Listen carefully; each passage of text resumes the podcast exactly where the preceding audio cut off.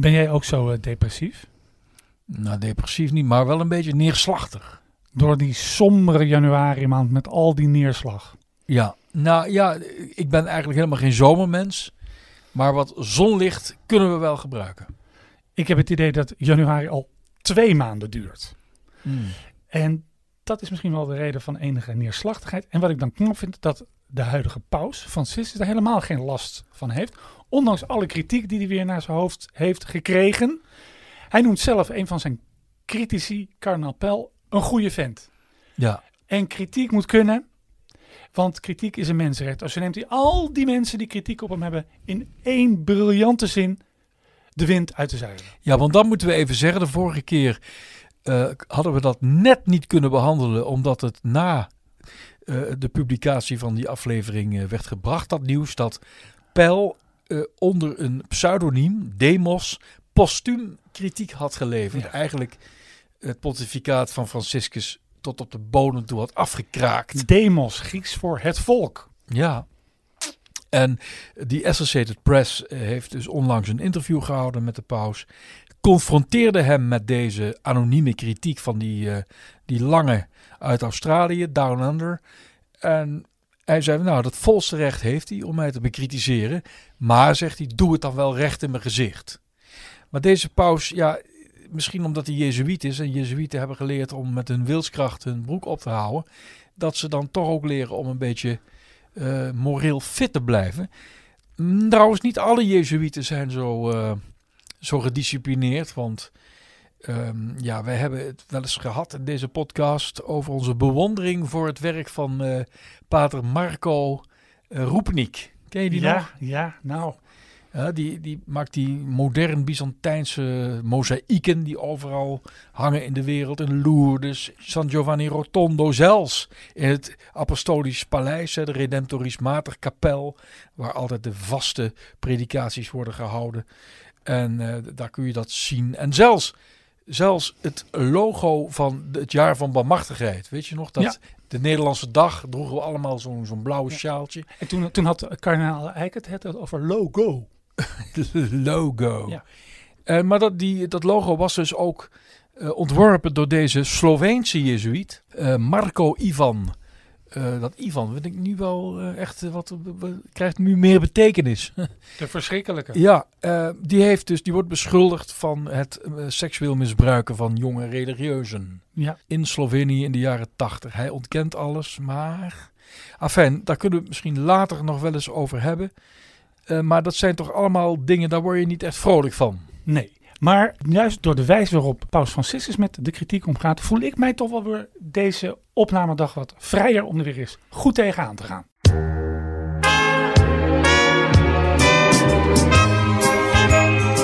Luisteraars, welkom bij weer een nieuwe aflevering van de Trouw-podcast De Roomse Loper. Ik heet Stijn Vens. En ik heet Christian van der Heijden. Christian, ik heb zin in een gezellig onderwerp. Ja, en dat ga ik niet leveren, Oh, helaas. helaas, Want, helaas. eh, het is eh, neerslachtig januari, dus laten we het vooral ook heel neerslachtig houden. Hé, ja, Want er daalt van alles op ons neer. De katholieken krijgen het altijd zwaar te verduren zodra er weer iets verschijnt op social media waar de honden geen brood van lusten. En ik wil het eens hebben over katholiekenhaat.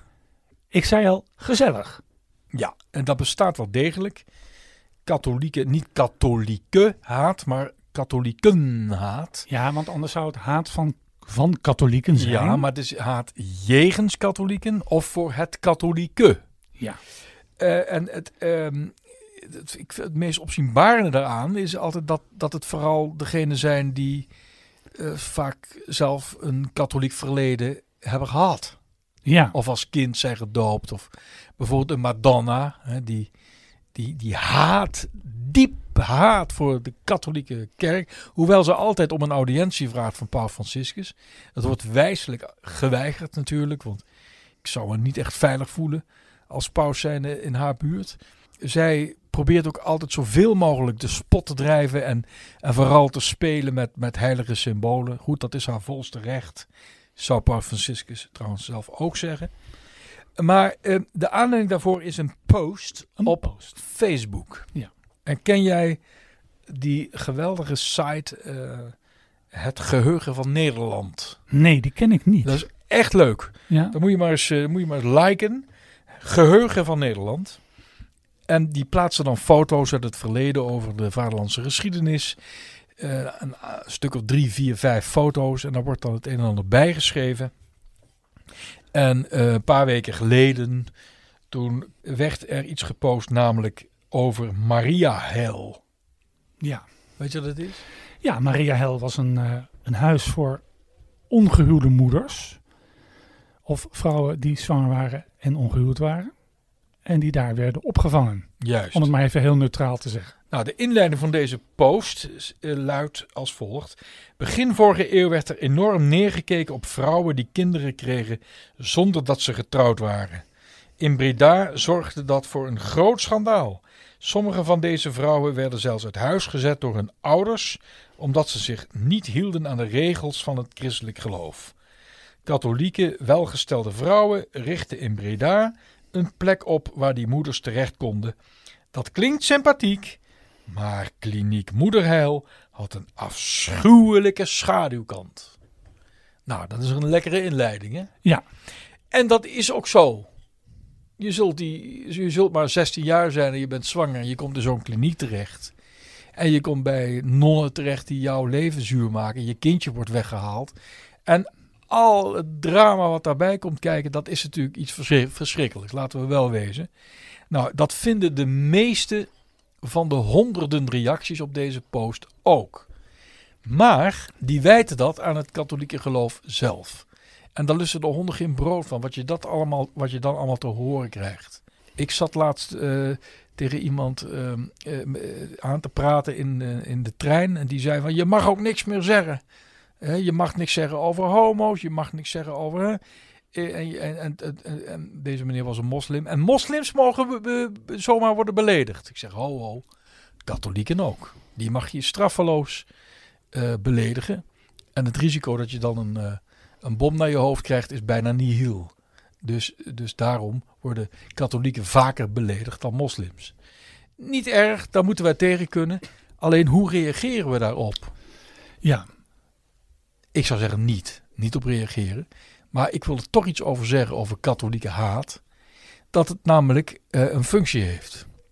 Ja. Het, het zuivert namelijk ook wel weer het katholicisme uit. En het maakt duidelijk dat sommige dingen die heel lang hebben behoord tot het katholiek gedachtegoed, eigenlijk helemaal niet katholiek waren. wijd uit. Nou, en ik zeg dat ook eh, op basis van het recente interview dat die Associated Press heeft gehad met Paus Franciscus. Die heeft gezegd dat de katholieke eh, bisschoppen die moeten zich eigenlijk keren tegen anti-homoseksuele wetten. Ja. Want die wetten zijn onrechtvaardig. En hij erkent dat in heel veel Afrikaanse landen bijvoorbeeld die bisschoppen die wetgeving tegen homoseksualiteit actief steunen. Hij zei dat heeft veel meer te maken met culturele aspecten van hun, eh, van hun politieke mening dan religieuze aspecten. Alleen het volk dat niet zo belezen is, die maar op eh, de social media spuien en als een diarree komt dat eruit, zijn over het algemeen niet de meest reflexieve types. Nee, en ik zou in die zin ook willen zeggen dat ik in 1992 ben ik voor de Karel afgereisd naar de staat Oregon, waar toen een aantal anti-homo- anti-homo-wetten op de rol stonden bij de verkiezingen. En wie heeft ze toen voor de homoseksuelen opgenomen? De Rooms-Katholieke bisschoppen daar. Ja, maar dat, daar hoor je dus in al die. Nou, een enkele, eh, een enkele reactie klonk het van. Ja, maar dat ligt niet aan het geloof. Er was ook iemand eh, die was als baby weggehaald bij dat moederheil in Ja. Ginneken, Ja. bij- vlakbij Breda. En die zegt: Ik ben zelf ook gelovig. Het zit niet in het geloof zelf. Nee. En, en ongehuwd moeder zijn was niet alleen een schande voor katholieken, het was ook een schande voor communisten. Het, het, het was gewoon een maatschappelijk onaanvaardbare situatie. Maar dat is van, dan voor, voor heel veel mensen is dat een aanleiding om met de meest grove bewoordingen alles wat met geloof te maken heeft, eh, ja, Maar, keihard aan te pakken. maar beste Christian, als een, als een katholieke kerk op een aantal vlakken daar zoveel aanleiding tot geeft. Ik noem het natuurlijk het misbruikschandaal, maar ook wat er daar gebeurde in die huizen, dat was vaak ook niet goed. Ehm, ja, kun je het mensen dan kwalijk nemen dat ze geloof en uh, geschiedenis met elkaar verwarren? Een beetje wel, ja. Want ik laat mij ook niet uitschrijven als burger uit de burgerlijke stand, omdat Nederland een slavernijverleden heeft gehad. En ik ben trots op Nederland. Het gaat me niet zozeer of mensen nu gelijk hebben of niet. Vaak hebben ze gelijk, ik geef dat toe. Maar ze verwarren uh, de oorzaak van al dat leed. En dat, de oorzaak zit hem niet in het geloof in God. Nee, want bijvoorbeeld, uh, het was lang zo gebruik om vooral moeder en kind bij elkaar te houden. Maar vanaf eind jaren 50 kwam het in zwang om juist te pleiten dat het kind moest worden afgestaan. Niet alleen binnen katholieke instellingen, maar ook in allerlei andere instellingen. Ja, en, en je kunt nog zoveel wetenschappelijk onderzoek daarna doen. En dat is gedaan. Ik heb al die data niet uh, paraat. Maar dat leest toch geen hond. In ieder geval, het is een feit dat er heel veel mensen in Nederland met een hele grote waffel zeer anti-katholiek zijn. En dat anti-katholicisme is interessant ook omdat het namelijk ervoor zorgt, en dat is mijn stelling een beetje, dat het katholieke altijd zichtbaar blijft in fictie, waarvan we kunnen genieten op de verschillende streamingsdiensten. Ik noem Netflix. Ja. Want dat weet jij ook, want wat ben jij nu aan het kijken? Ja, inderdaad op Netflix. Daar uh, heb ik gekeken naar The Wonder. Dat is een uh, psychologische speelfilm, een rolprent van de Chileense regisseur Sebastian Lelio. En dat speelt in 1862 in Ierland, in een, in een plattelandsdorp. En de hoofdpersoon is Elizabeth Lip, afgekort Elizabeth Lip Wright. Een Engelse verpleegster die haar sporen heeft verdiend in de Krimoorlog. En die wordt daar naar dat dorp geroepen om uh, de, het meisje Anna O'Donnell bij te staan. Een meisje dat al vier maanden, geloof ik uit mijn hoofd, niet gegeten heeft. En iedereen bemoeit zich er natuurlijk mee, vooral de pastoor. En zij moet dus ja, eigenlijk dat meisje monitoren samen met een non, met een religieuze. May I ask, gentlemen, no one has told me what precisely is wrong with the girl. Anna O'Donnell doesn't eat. How long exactly has it been since the last time the girl ate? Four months. That's impossible. Thumbs up. And eyes wide open. Are you nervous at all? Why should I be nervous? Do you know the dangers of a prolonged fast, Anna? I don't need eat sweets. I live a manna. From heaven. And how does that feel? Full. Anna is in danger. She's an actress. She's chosen. En nou ja, dat gaat dus, dat, dat, dat, is allemaal spannend. Ik ga het niet allemaal spoilen en zo, maar het, het, het verhaal barst van de katholieke symboliek. Want wat was het laatste dat zij gegeten hebben, namelijk de hostie. Er liggen heilige plaatjes naast haar bed. Die film uh, barst bijna uit elkaar van symboliek. En ik moet zeggen, de katholieke kerk komt er in die film ook niet best van af. Maar het speelt op een aangename manier met die katholieke symboliek. Nou, dat is een van de vele voorbeelden op dit moment op Netflix waar je bijna struikelt over de katholieke symboliek. Dit is mijn punt. Hè. Wat is nou hè, het verband tussen katholieke haat en het veelvuldig gebruik van katholieke verhaalmotieven en, en beelden uit die cultuur? Dat is namelijk uh, dat het iets met mensen doet. Zodra jij iemand ziet zitten in een biechtstoel, dan doet dat iets met jou. Dat speelt zich allemaal af in het geheim. Je kunt als kijker, heb je in één keer toegang tot iemands diepste geheimen. Daar zit dan zo'n priester, weet je wel, die aanhoort jou en die heeft ook commentaar op datgene wat er gebiecht wordt. Je moet je daartoe als kijker verhouden, je hebt er een mening over. In ieder geval is die mening vaak altijd emotioneel. Zelfs mensen die nog nooit hebben gebiecht of die nooit in een kerk komen, die niet eens weten wat een biechtstoel is, die moeten zich verhouden tot die scène. En die weten wat biechten is, niet omdat ze dat in de realiteit hebben meegemaakt, maar omdat ze dat hebben gezien in al die films. Dus de katholieke haat die veel mensen hebben, zorgt ervoor dat de gevoeligheid voor die beelden in stand blijft. En dat weten die Netflix mensen maar al te goed. Ja, ik weet het niet. Ik- je kunt ook zeggen dat die hele katholieke symboliek, die rituelen, het pauschap ontzettend aantrekkelijk zijn om daar fictie van te maken. Om daar mee te spelen. Ja, maar, Omdat, juist omdat het zo beeldend is. ja, ja, maar niet alleen beeldend, omdat je er altijd iets bij voelt. Je, je, Ja. je vindt er ook altijd wat van. En de een haat het, steeds meer mensen haten het. Maar het blijft altijd aantrekkelijk om er naar te kijken, omdat je er een bepaald gevoel bij hebt. Omdat het zinnelijk is. Zindelijk. Zin. Oh, zinnelijk. Ja. Zinnelijk, ja. Zinnelijk ook. Ja. ja, ja. Bijvoorbeeld, nou, ik ben nu aan het kijken op eh, Netflix naar Les Combattantes. Ken je dat? Le combattant. La, Les Combattantes. En dat is echt een aanrader. Dat gaat over vrouwen eh, in een plaatsje in Frankrijk, in de Vogezen. eh, in 1914, tijdens de Eerste Wereldoorlog. En dat speelt zich eigenlijk voornamelijk allemaal af in een, in een klooster. Een vrouwenklooster.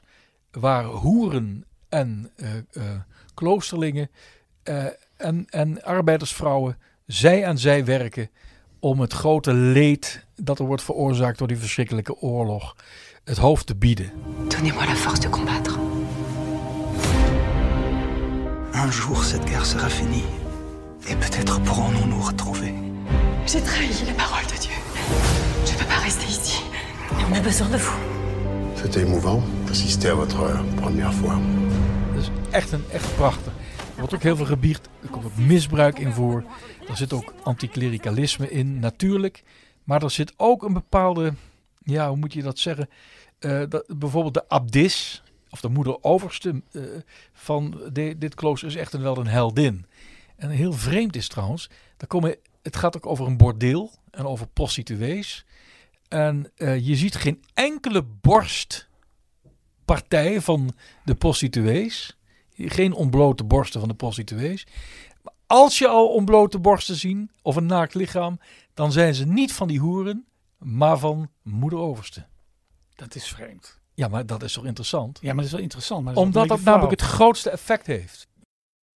Zoveel is er te vinden op Netflix. Ik, Nou ja, wij zijn allebei grote fan van Gomorra.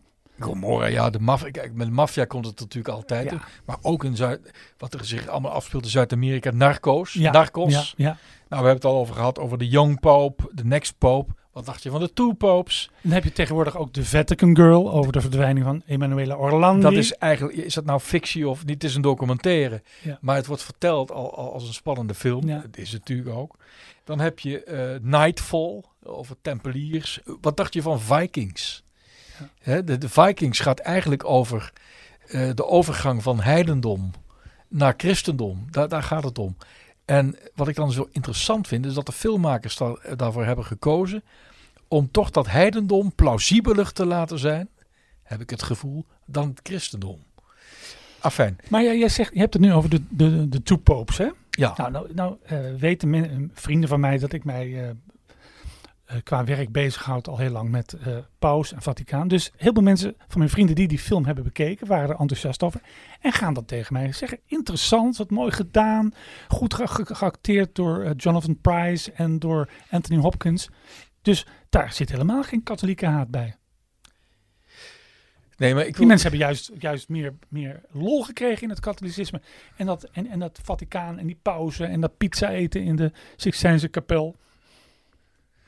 Ja, dat is een goed punt. Maar de, misschien eh, is dit de uitzondering die de regel bevestigt. Ik vind het geen sterke verdediging. Nee, maar ik, denk, ja, maar ik denk zelfs dat mensen die, eh, die het, eh, het katholieke diep en diep haten, dat die, dat die deze film mooi vinden. Omdat het gewoon een heel goed verteld verhaal is. Ja. En omdat het inderdaad, wat jij zegt, zinnelijk is. Het, het geeft heel veel oogsnoep. maar jij hebt het over dat die katholieke haat vaak komt Hè, eh, van want- mensen die zelf katholiek zijn bijvoorbeeld geweest. Madonna, die houdt, die houdt ontzettend van de katholieke beeldtaal. Ja. Daar, daar, daar houdt ze enorm veel van. Like a Prayer, dat nummer. Hè? Nou, Dat, nou, ja, dat, dat, ja. eh, dat is trouwens wat je nou zegt, like a prayer. Op een gegeven moment komt daar een standbeeld van eh, de heilige Dominicaan eh, Martinez de Porres in voor. En in die de clip, in de dan- videoclip. Ja. ja. En dan, dan komt er ook een soort st- eh, ja, stigmatisering hè, komt daarin voor. Ja. En ik ken iemand, en dat is echt waar, die had dat nog nooit gezien en die is dat gaan opzoeken. Wat is dat eigenlijk, stigmata en zo? En die is katholiek geworden. Nou, ja, nou, nou, kijk nou eens. Ja, maar, maar dat was, is natuurlijk niet de intentie van Madonna. Dus Nee. Madonna houdt van de katholieke beeldtaal. Die gebruikt ze om haar katholiekenhaat eh mee te voeden. Ja. Dat is juist het, het, het, bijna het perverse. Nou, ander Ja, voorbeeld. want, want kijk, ik haat nazi's. Maar ik gebruik de beeldtaal van de nazi's niet om het nazisme te bestrijden, begrijp je? Nee, dat begrijp ik. Ander voorbeeld, hè? Eh, prachtige speelfilm. Life of Brian van Monty Python. Toen die film in 1979 uitkwam, is ontzettend veel over te doen geweest. In Ierland is hij volgens mij verboden. Mocht hij niet eens gedraaid worden. Terwijl, eh, ik, ik weet nog eens dat ik, dat ik op, op in een symposium bij de KRO zat aan iemand en dat fragment werd vertoond. En, en een hulpbisschop daar helemaal eh, boos van werd. Die zegt, u beledigt mij met dit, met, met, om dit te laten zien. Hè? Die, Ja. die, die kruisingsscène met always look Ja, on the bright ja. side of life. Ja, terwijl je ook, ik ook mensen zou spreken die zegt, nou ja, ik heb Jezus pas echt leren begrijpen door die film Life of Brian. Maar dat zegt John Cleese ook. Hè, van die film ging helemaal niet over Jezus. Ja, dat vind ik ook niet, vind ik ook flauw. Nee, maar ik ik, ik, ken heel veel. Ik ken zelfs kloosterlingen die genieten van The Life of Brian. Ja, Het ging. Het, eh, eh, John Cleese die zegt het ging, ging niet over Jezus. Het ging over. Het was niet een parodie op Jezus, maar een parodie op de Bijbelfilm.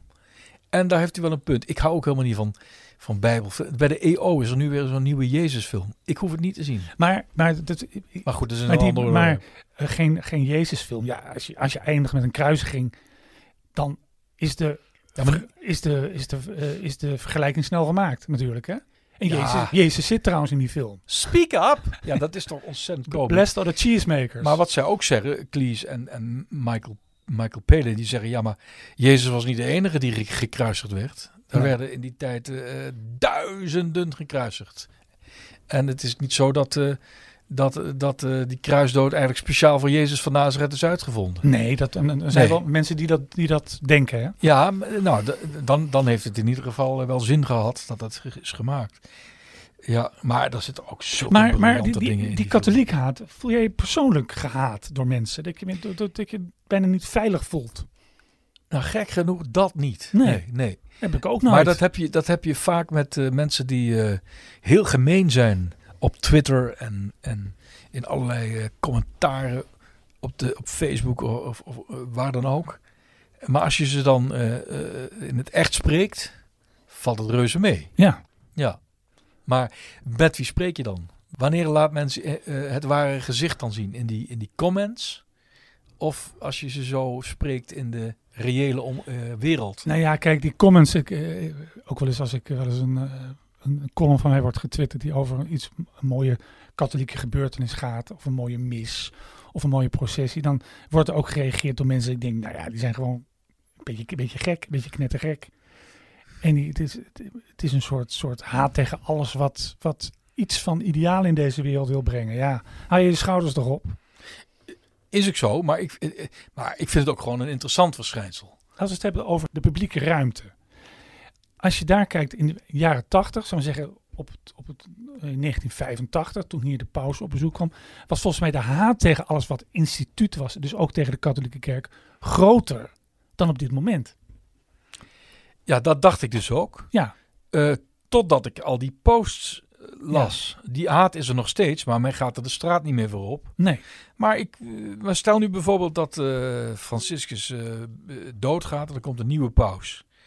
Die conservatiever is. En die zegt van nou, ik, het wordt tijd dat we eens weer eens naar de lage landen gaan. Ja. Nou, dan wil ik het nog wel eens zien hoor. Nou, ik denk dat wat betreft het, het beeld van de katholieke kerk, het wel eh, voor die, dat dat beeld wat anderen over de katholieke kerk hebben veranderd is door de huidige paus. Dat is toch eigenlijk alles waar Nederlanders altijd naar verlangd hebben. Hè? Hij is aardig tegen homo's, hij is voor het milieu. Hij, hij voert strijd tegen al die conservatieve kardinalen. Hè? Dus dat vinden we ook leuk in Nederland. Hè? Het is allemaal dus, wat er fout gaat in het Vaticaan is allemaal de schuld van de foute kardinalen. ja, maar nu zeg je het zelf. Dus eh, op een gegeven moment komt er een soort vreemdkörper. Die is dan in één keer paus. Dat wordt een held eh, in een verhaal. Hè, want, want je hebt dan weer kwaaie pieren nodig. En dat zijn die kardinalen. Ja. Dus, die, die, dus dat hele verhaal van Franciscus is zo geslaagd vanwege die haat. Dat is eigenlijk Dat- mijn punt. Ja, dat weet ik niet. Want je kunt ook zeggen eh, dat, hij daar, dat hij wel degelijk dingen heeft veranderd in de bedrijfsvoering van dat grote instituut, in de beeldvorming. Eh, dingen die misschien wel hard nodig waren. Dat is ook zo. Dat is ook zo. Maar, maar dat haalt allemaal niks uit. Dat neemt de haat niet weg. Eh, people love to hate the Catholic Church. Ja, maar En, en, en als je hun liefde om te haten weghaalt, ja, dat, dat, dat is moeilijk. Maar people love, ik ga, maar even, ga ook maar even door in het Engels als jij dat ook doet. People love to hate, Love, je hebt een mooie Russische L. people loved to hate Pope Benedict. Ja, Eh, ze wisten niet, al, ze wisten eigenlijk nergens van, maar goed. eh, die man is natuurlijk voor van, van, heeft van, al- van alles de schuld gekregen waar hij ook weer niet verantwoordelijk voor was. Maar het was wel makkelijk. Zo'n Duits, zo'n Duitse professor, die, eh, die, daar konden ze van alles eh, tegen aansmijten. Ja. En nu is er een, eh, een aardige Zuid-Amerikaan die in een klein autootje rijdt en allemaal leuke dingen doet. Ja, dat scheelt wel in de beeldvorming. ja. ja, dat is zo. Maar Terwijl, terwijl de, de, de, over, de, de, de, de overeenkomst, of zou ik zeggen, de continuïteit tussen die twee pontificaten er wel degelijk is. En we de, ook de neiging hebben om, mensen ook de neiging hebben om Franciscus veel aardiger en leuker met te maken dan hij in feite is. Ja, Veel progressiever, Ja. Bedoel ik. Mijn punt is dus niet dat ik de mensen ongelijk geef over het gruwelijke wat de kerk heeft aangericht, maar dat dat zou zijn aangericht vanuit het geloof.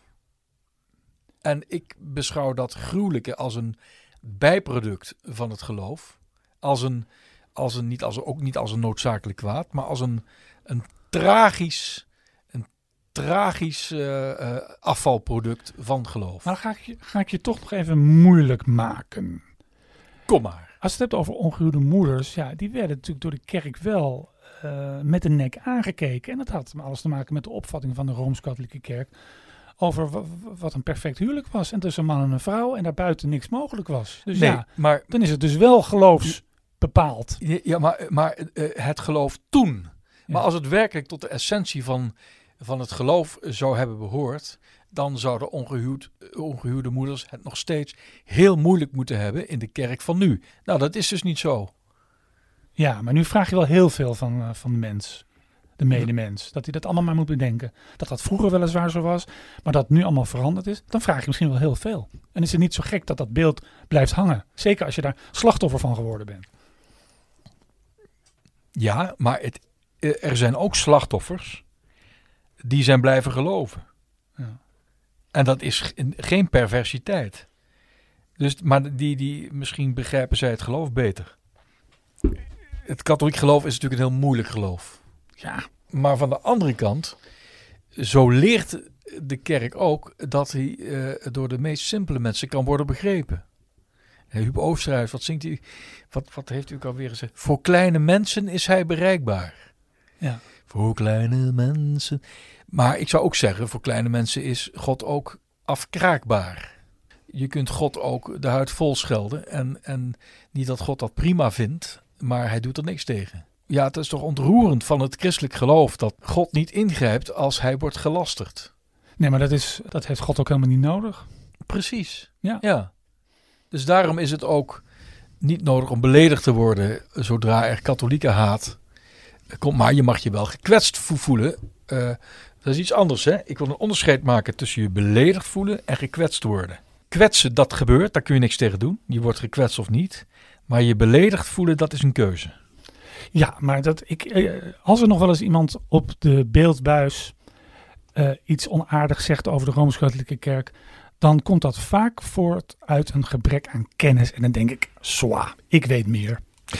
Ja, maar eh, eh, eh, er is nu ook bekend geworden dat de kennis omtrent de holocaust schrikbarend Ja, maar dat is, onder- dat is erg. Ja, maar dat is toch verschrikkelijk? dat is verschrikkelijk. Dus je kunt niet zeggen, nou ja, die, die gebrek aan kennis is zwaar. Nee, kennis is heel belangrijk, omdat namelijk een gebrek aan kennis ervoor kan zorgen dat, dat de vooroordelen zo groot worden opgeblazen, dat mensen het gaan afleggen daartegen. Maar Christian, daarom is het belangrijk dat wij ook in dit nieuwe jaar 2023 doorgaan met de Roomslopen. en de kennis verspreiden als ware het een blije boodschap.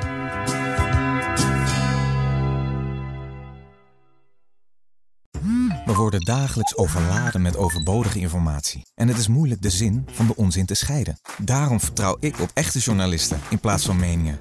Een krantenmens heeft het gemakkelijk. Word ook een krantenmens en lees je favoriete krant nu tot al zes weken gratis. Ga snel naar krant.nl. Bezorging stopt automatisch en op deze actie zijn actievoorwaarden van toepassing.